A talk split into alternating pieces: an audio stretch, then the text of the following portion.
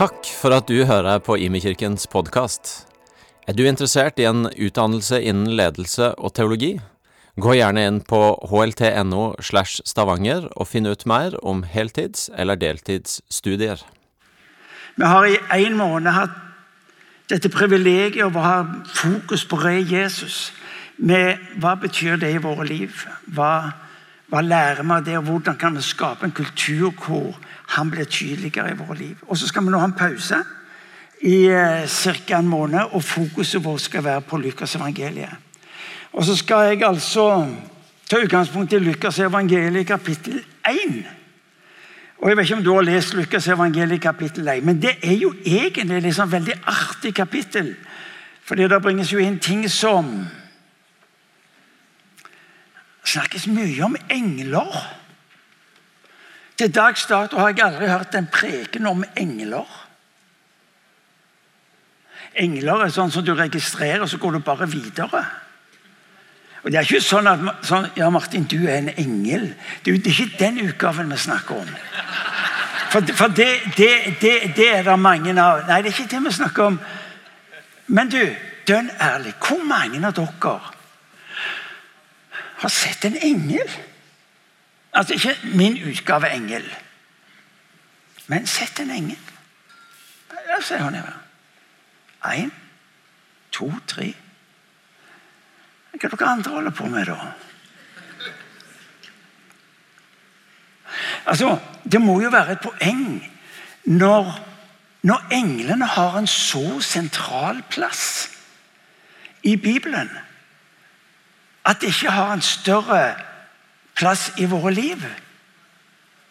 Det kan ikke være slik at han bare dukker opp på gjesteopptredener og så, og så håper det Nei, det er jo ikke slik det funker. Folkens, hør nå. Har, har vi mista englene? Det er litt trasig når det er det spekulative og engleskoler til en eller annen. Når du leser om at englene har en avgjørende plass og posisjon i hele Bibelen. Hva ville mye av viktige hendelser i Bibelen både for nasjonen og enkeltmennesker vært hvis du tok vekk englene? Det er noe interessant i det der. Altså, Når himmelen handler inn i denne verden, så bruker han engler også. Sakarias, den teksten fra første kapittel i Lukas evangeliet, at der begynner bråket med engler. Én en engel. En opp med at han blir stum. Så når du og meg ber om å få se mer Guds rike og synliggjort med hans engler, så vet du jo aldri hva som skjer. Han ble stum. Der sto inne i det helligste. Maria ja, Hun skal vi høre mer om litt seinere. Men folkens, det var ingen festreise for Maria. Og Josef. Tillegg en drøm og litt attåt. Full forvirring. Men hvis dette er viktig for himmelen, så må det jo være viktig for oss òg.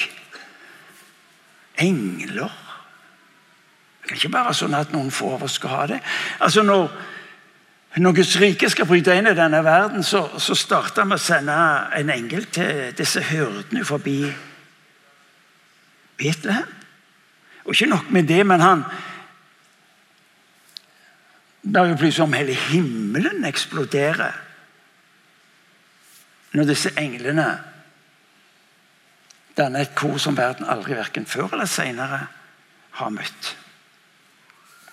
Og Det interessante er at slutten av Lukas evangeliet som vi nå skal bevege oss inn i eh, Lukas evangeliet avsluttes egentlig i begynnelsen av apostlenes gjerninger for det samme forfatteren. Og Hva er det som dukker opp der? Jo, det er igjen engler. Der disiplene er sånn halvt forvirra forbi byen. Lurer på hva skjer nå? Og så sier disse to englene det går bra. Bare gå tilbake igjen dere og fortsett med det han har sagt dere skal gjøre. Så det er, et, er et innslag og et nedslag av engler som er helt spesielt. Jeg skal ikke gå inn i sånn teologisk uh, utleggelse av engler. Det får vi gjøre en annen gang. Så vidt berører det. Men én ting må du og meg få med oss. Det er at Hvis dette er viktig for himmelen, så må det jo være viktig for oss òg. Det er egentlig godt sagt. Hvis dette er viktig for himmelen, så må det være viktig for deg og meg òg. Du ser at Det du og meg ikke er opptatt med, det vil vi heller ikke se.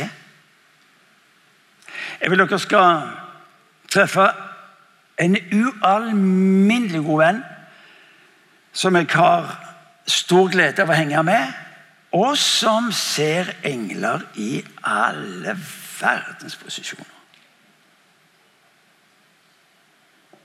Nå er du spent.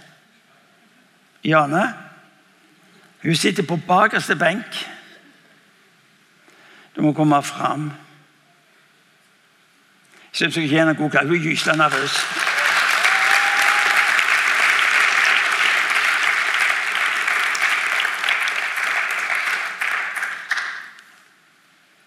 Hun sa først nei.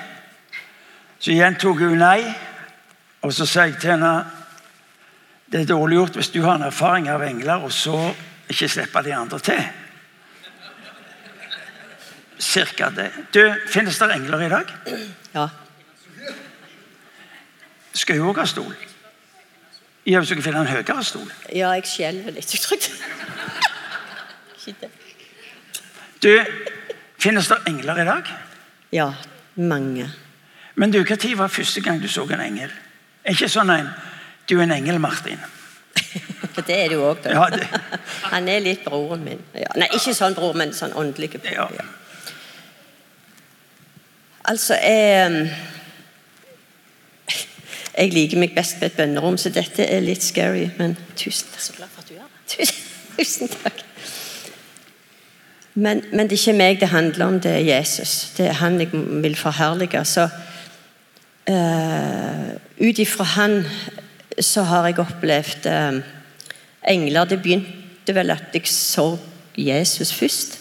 Men jeg hadde vært litt i sånn okkult miljø for å finne ut om engler fantes, både mørke og lyse. Og det, når jeg fant ut de mørke fantes, så rømte jeg til lyset. ja. Og da fikk jeg se Oi.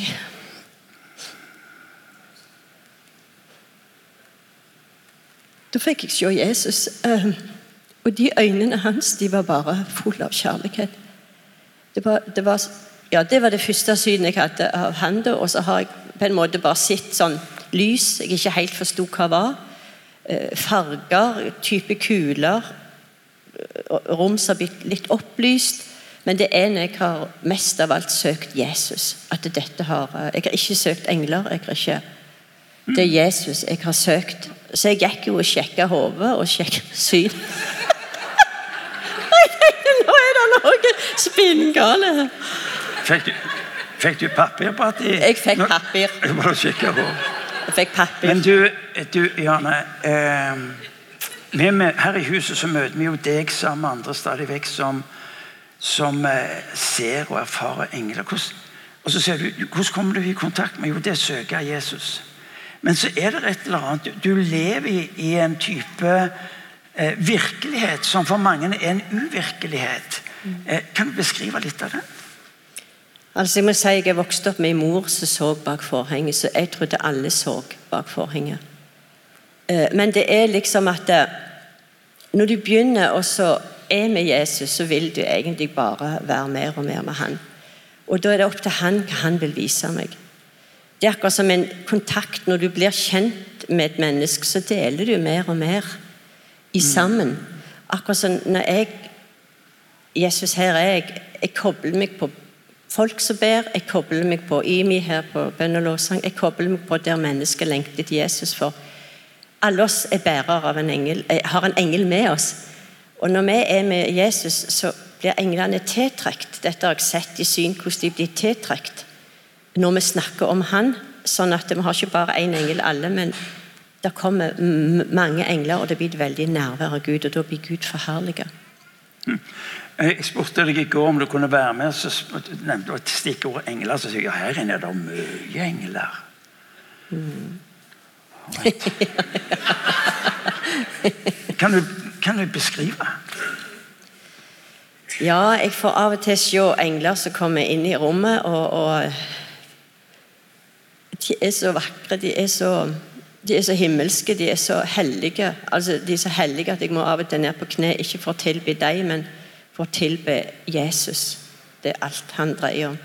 Men så var det engler som kom inn, og jeg bare Gud, hva, hva er dette? Hva, hva gjør jeg nå? Og så sto det åpenbaring over noen engler. Der sto, noen engler hadde um, glitter under vingene på et vis, og så var det 'glory under the wings'. altså bare sånn På engelsk kom det. så, så jeg bare forløste det da over oss. Um, jeg opplevde også en gang jeg skulle ut og, så, og så be for en ganske heftig familie. Det var ganske heftig i familien, og da på veien så bare kom det vindråser i bilen. Så dunkte bilen tre ganger, og det gjorde at jeg stoppet og lurte på hva dette her. Men det var helt stille på sjøen, det var helt stille på trærne, og jeg tenkte eh, hva var dette? Så begynte det å regne inni bilen. Jeg, jeg tenkte hva er det nå som skjer? Men jeg ble ikke blaut. Det bare regna inni bilen.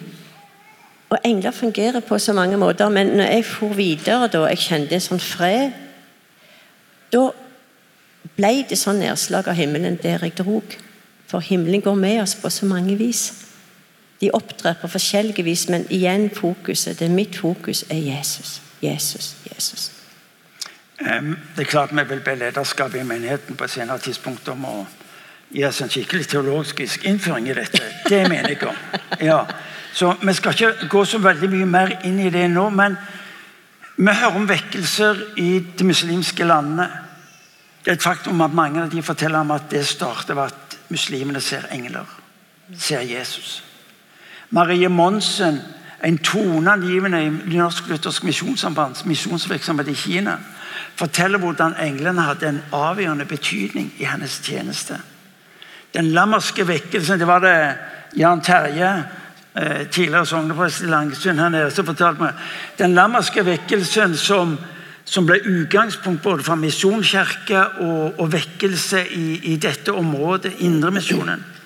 Han forteller at noe av det som, som ble viktig for ham, var når han begynte å høre ryktene om, om, om disse på hans ord sagt kvinnfolk oppe i dalen som, som opplevde under og mirakler, og som fikk åpenbaring og så engler, og så, og så bare eksploderer det. Hør, Gud er ikke entydig, dvs. Si endimensjonal i sin kommunikasjon. Derfor tror jeg han også har gitt oss englene. Jeg kan tenke meg at du skal be en bønn for oss. Yeah. Om at vi som her inne, vi må få bli en del av en åndsvirkelighet.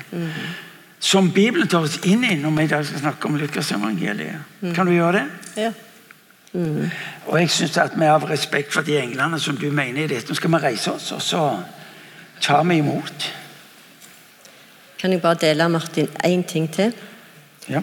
At eh, når jeg skulle inn her på bønn og lovsang, eh, så, så Når vi først har snakket om engler, så, så hadde jeg kaffe i hånda.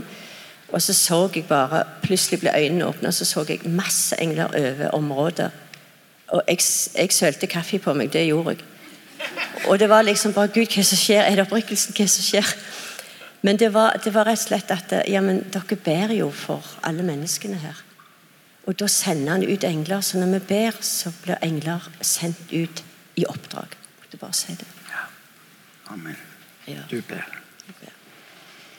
Jesus, vi tilber først og fremst deg. Ja. Og så er det du som viser oss av ditt rike. Herre, for ditt rike er så virkelig. Himmelen er så virkelig, englene er så virkelige. Og du har budbærere som kommer med ild i denne tida ifra tronrommet for å tenne ditt folk i brann, Herre. Tenn oss i brann, Herre. Vi legger alt ned foran dine føtter og løfter hendene til deg, Herre. Du som fyller alt i, alt, i alle. Jeg bare forløser at det er øyer som ser, ører som hører. At vi skal få se mer av himmelen i det himmelske. At vi skal få sløret bli trukket litt til side, så vi forstår at det, vi er omgitt av himmelen her på jord. Himmelen inntar jorden, og det er så virkelig. La det bli en sannhet for oss alle. Åpne øynene så vi ser, men mest av alt, la meg ære deg, Jesus, og falle ned for dine føtter. Jesu navn. Skal du si amen? Amen. Amen. amen. kan den til han til sånn der. Jeg syns vi skal gi Jan en god klapp.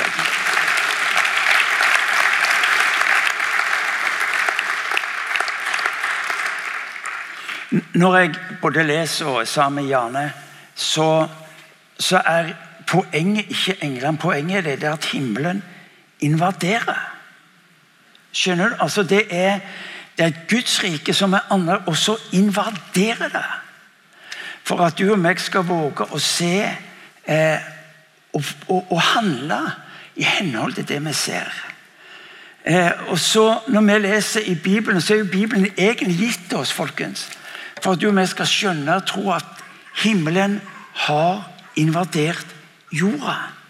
Og Ved det så skal du vite at du har alt det du trenger til, men samtidig tas inn i noe du ikke uten videre skjønner eller forstår. Eh, skal lese, dere skal slippe det. Jeg skal lese den, for da går det litt fortere. Eh, men dere kan lese på teksten, og så skal jeg eh, lese den. Og så er det egentlig denne teksten fra Lukas evangeliet kapittel 1 vers 26. Så står det at engelen fortsetter. Engelen fortsetter.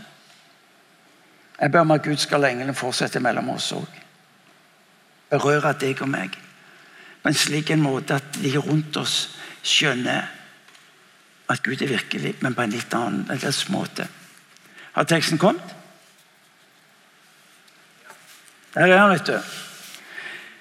Lukas evangeliet kapittel 1.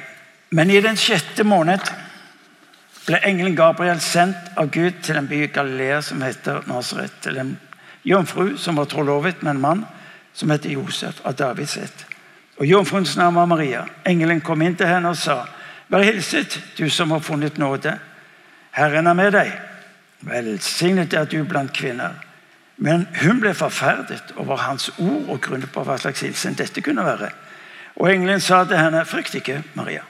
For du har funnet nåde hos Gud. Se, du skal bli med barn og finne og føde en sønn, og du skal gi ham navnet Jesus. Han skal være stor og kalles den høyestes Gud. Sønn, Herren skal gi han, hans far Davids trone, og han skal være konge over Jakobs hus til evig tid. og skal ikke være ende på hans kongedømme. Men Maria sa til engelen, syns dette er kult. Hvordan skal dette gå til, Det er ikke vet av mann? Engelen svarte og sa til henne, Den hellige ånd skal komme over deg, og den høyeste kraft skal overskygge deg. Derfor skal også den he- hellige som blir født, kalles Guds sønn.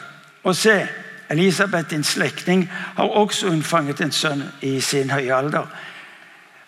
Som ble, eh, hun som ble kalt eh, ufruktbar og er nå alt i sjette måned. For ingenting er umulig for Gud. Da sa Maria, se, jeg er Herrens tjenerinne. Det skjer med meg etter ditt ord, og engelen forlot henne. Kult! Og du tenker det måtte være kult å få vært med på og opplevd. Men det var jo ikke det det ble. Maria var trolova. Hun var i fase hvor hun planla bryllup, fest. Megakjekt. Og så får hun en engel midt i fleisen. Bokstavelig talt. Istedenfor den vakre bryllupssalen, så ender hun opp i ei kald stall. Det var alt annet enn fin belysning og nydelige møbler og mat. Skjede. Møkket. Det var sikkert så mye insekter, og det var sikkert så mye smittsomme greier. Nei. Hun endte opp i en stall. Og Sannsynligvis måtte hun ivareta fødselen sjøl, for menn var ikke særlig i stand til å hjelpe på det området den gang. Det var ikke vanlig at menn var med. Og du og meg kan med en gang tenke ja, men dette høres jo ikke troverdig ut. Mot all fornuft. Er det slik Gud er? Hør nå. Gud går sine egne veier. Gud går sine egne veier. Og det interessante er at Når hun begynner å reise problemstillinger, men du skjønner Han møter jo ikke dama. Han er jo ikke empatisk i det hele tatt. Han sier bare ja, men no problem, Den hellige ånd skal komme over deg. Der hun er opptatt med å fortelle hva som ikke går, er han opptatt med hva han vil gjøre. Hør nå, Du og meg er altfor ofte ekte på hva vi skal gjøre, istedenfor å få tak i hva han holder på med. Det er noe der. Som at han skal passe inn i våre rammer, planer.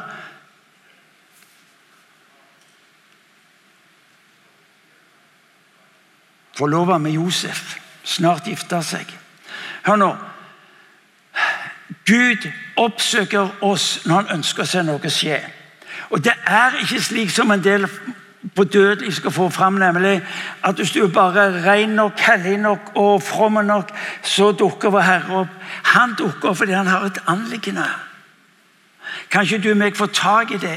Gud oppsøker deg og meg fordi han har et, en brann i hjertet i å se denne verden berørt.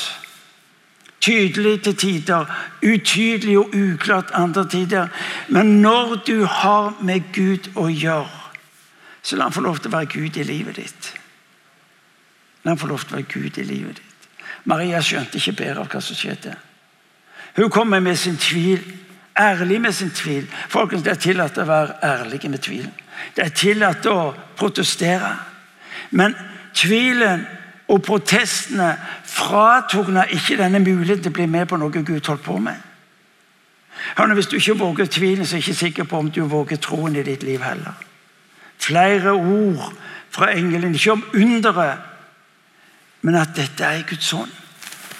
Hva vil det dypest sett å være en Jesu etterfølger? Det å være med på det Gud gjør. Det å være med på det Gud gjør. Engelen profeterer over henne ord, og hun tror.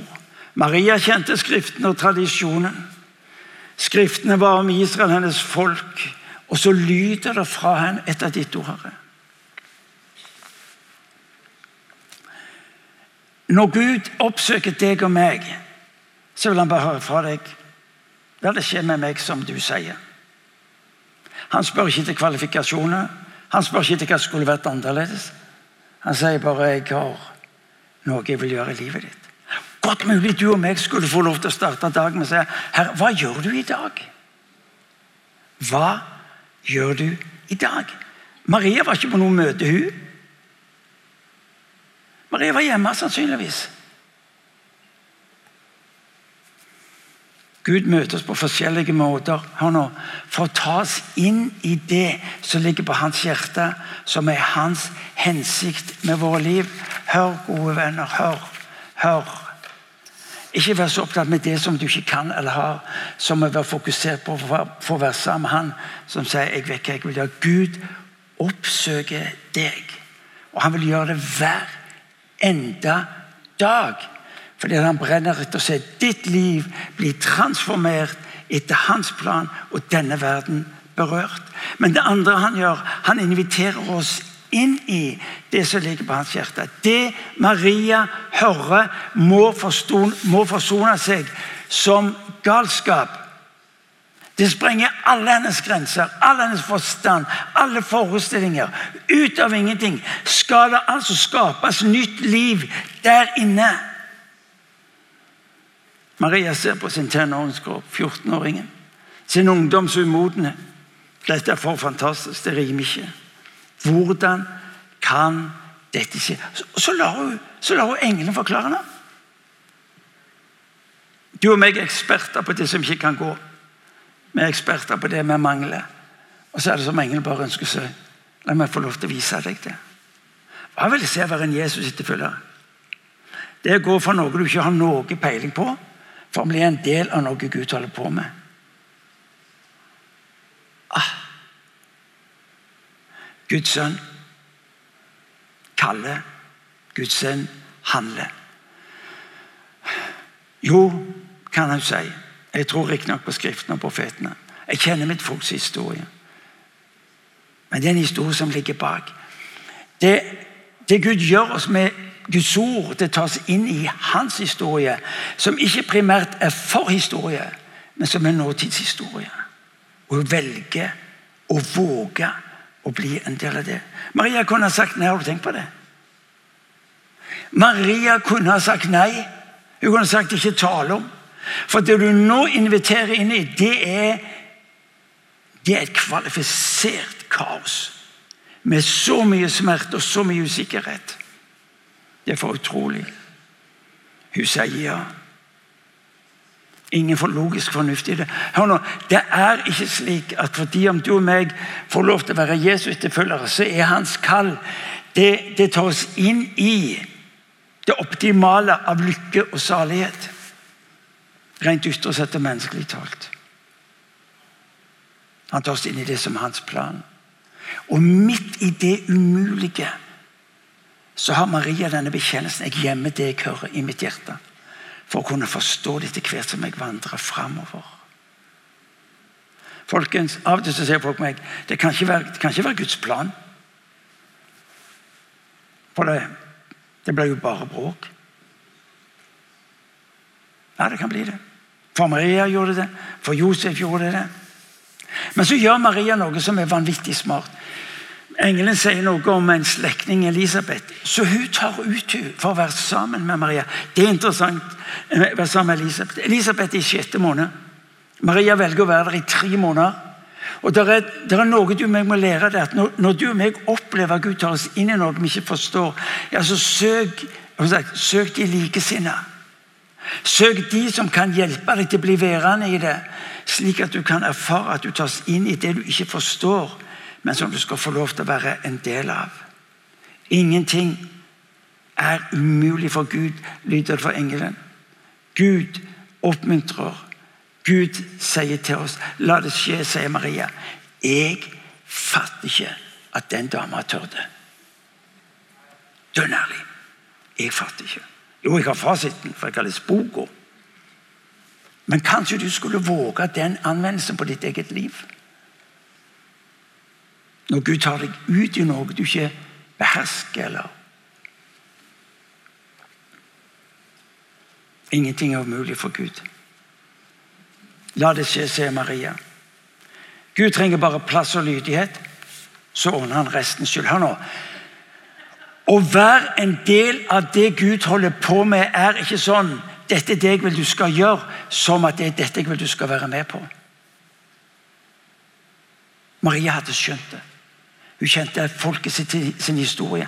Akkurat som du og meg kjenner Israels historie, så kjenner du også vårt folks historie med Gud som holdt seg i hånd over oss.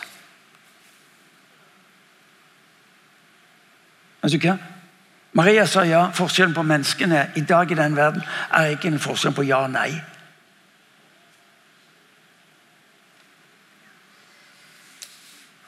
Mister du og meg det Gud har for oss? Fordi det ikke passer med vår framdriftsplan. Fordi det ikke passer med det vi ville eller kunne tenke oss. Maria sa det ikke sånn, så jeg er med. Skjønner ikke bedre av hva du holder på med, men jeg er med. Og så går hun. Jeg burde gjerne sagt halleluja, men ikke så lett når du er bare lutheraner, nesten. Hør nå. Ditt gjensvar på Guds eh, inngripen i ditt liv, det er å være med på det han eh, holder på med. Gud ser etter hva han kan fylle, hvem han kan fylle. Han oppsøker deg, han inviterer deg, og så handler han. Ja, hva skal du da gjøre? Være med på det han holder på med? Være med på det Gud holder på med. Gud tar alltid utgangspunkt i det han sjøl vil gjøre. Ikke at du og vi kunne finne på. Jeg sier det Av og til Av og til sier kreative folk, og vi ber om kreative løsninger, Jeg sier kjære Gud, spar oss. Skal vi virkelig opptre som vi gjør vår Herre kreativ? Kan han ikke få lov til å være Gud? Så står det i romerbrevet. Omfavn det jeg gir dere, så beste dere kan gjøre. Hva er det vi lærer av Maria? Hun er lydig. Fantastisk, vil du kanskje si. Men vil du oppleve og det her ligger utfordring for deg, vil du og meg ikke bare lese Bibelen, men vil si ok, Gud, jeg stiller meg på siden av Maria. 14-åringen, 15, noe der omkring. Gud, jeg er med. Vil du oppleve, og jeg vet at derfor dere er her. Dere ønsker å oppleve en Guds inngripen i livet deres. Slik at denne verden kan våge å tro at Gud er god. Det er en del av det Gud gjør. Maria sa ja, og det ble bråk. Å være med på Guds plan det er ikke nødvendigvis medgangen, men du er med på å se Guds rike gå fram. Rikt velsigna. Hør, du tas inn i det Gud holder på med. Maria lærer oss veien å gå. Hennes ja ble Guds mulighet. Bekjennelsen på valget. Lydighet. Maria vet hvem hun er, tjenerinnen. Samtidig som hun har et sunt og spennende selvbilde. Jeg holder på å slutte. Hør nå.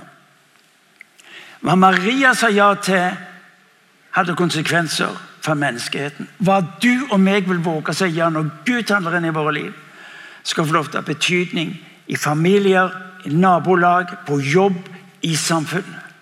Vi venter på en eller annen type vekkelse. Gud er ikke opptatt med vekkelsen, men han er opptatt med å berøre ditt og mitt liv på en slik en måte at ut ifra det livet springer det som Jesus snakker om at Guds rike er kommet nær. La det skje, for alt er mulig for Gud. Ok, hvorfor på denne måten? Ikke vet jeg. Men jeg har tillit. Vi synger en sang. Fordi jeg stoler på deg, trenger jeg ikke å forstå. Because I trust in you. I do not need to understand. Kristenlivet handler egentlig ikke om deg. Det handler om Gud. Romerbrevet 12,1 message sier Embrace what God is giving you. That's the best thing you can do for him. At du og meg er opptatt og tror alt det vi skal gjøre, så sier han ikke heller være med på det jeg holder på med. Vi har lært av Maria å si ja. Vi har lært av henne at ved det tørs du inn i det som har betydning i eget liv og andres liv. Han har kommet nær. Han er her, i dette lokalet i dag. La oss reise oss og la oss be.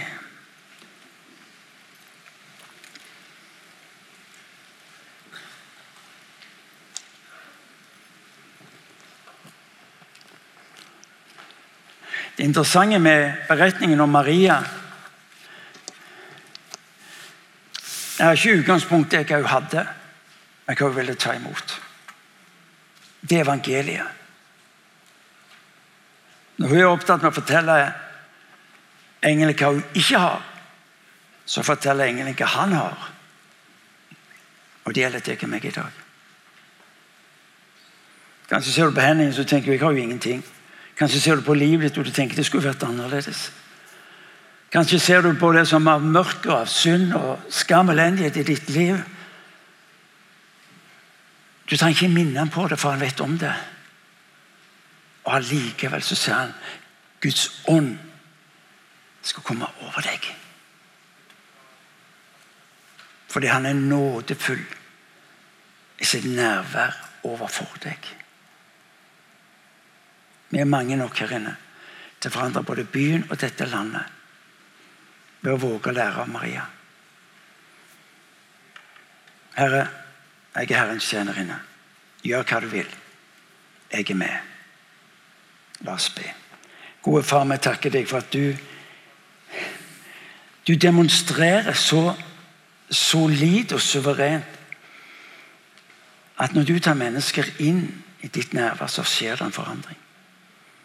Bare vil du legge denne pasjonen ned i den enkelte av oss, at vi våger å være der. Så ber jeg for om at vi skal være lydige. Igjen og igjen minner det oss om at tro er lik lydighet. Lydighet er å gå med deg og si nei til vårt eget når det måtte være nødvendig. For Vi inviterer deg til ikke å ta hensyn til våre framdriftsplaner. Vi ber far om å få være med på det som ligger på ditt hjerte. Bare velsigne denne forsamlingen. Jeg velsigner denne forsamlingen. Jeg ber om at du skal la oss lære av ordet hvor du åpenbarer en åndelighet, en Guds rike virkelighet, Herre, som gjør oss med våge å gå med deg. Gi oss også, Gud, å få lov til å være et folk som omfavner, Herre, ditt rike, uansett hva prisen måtte være. For vi ber om det i ditt navn. Velsigne dere. Amen.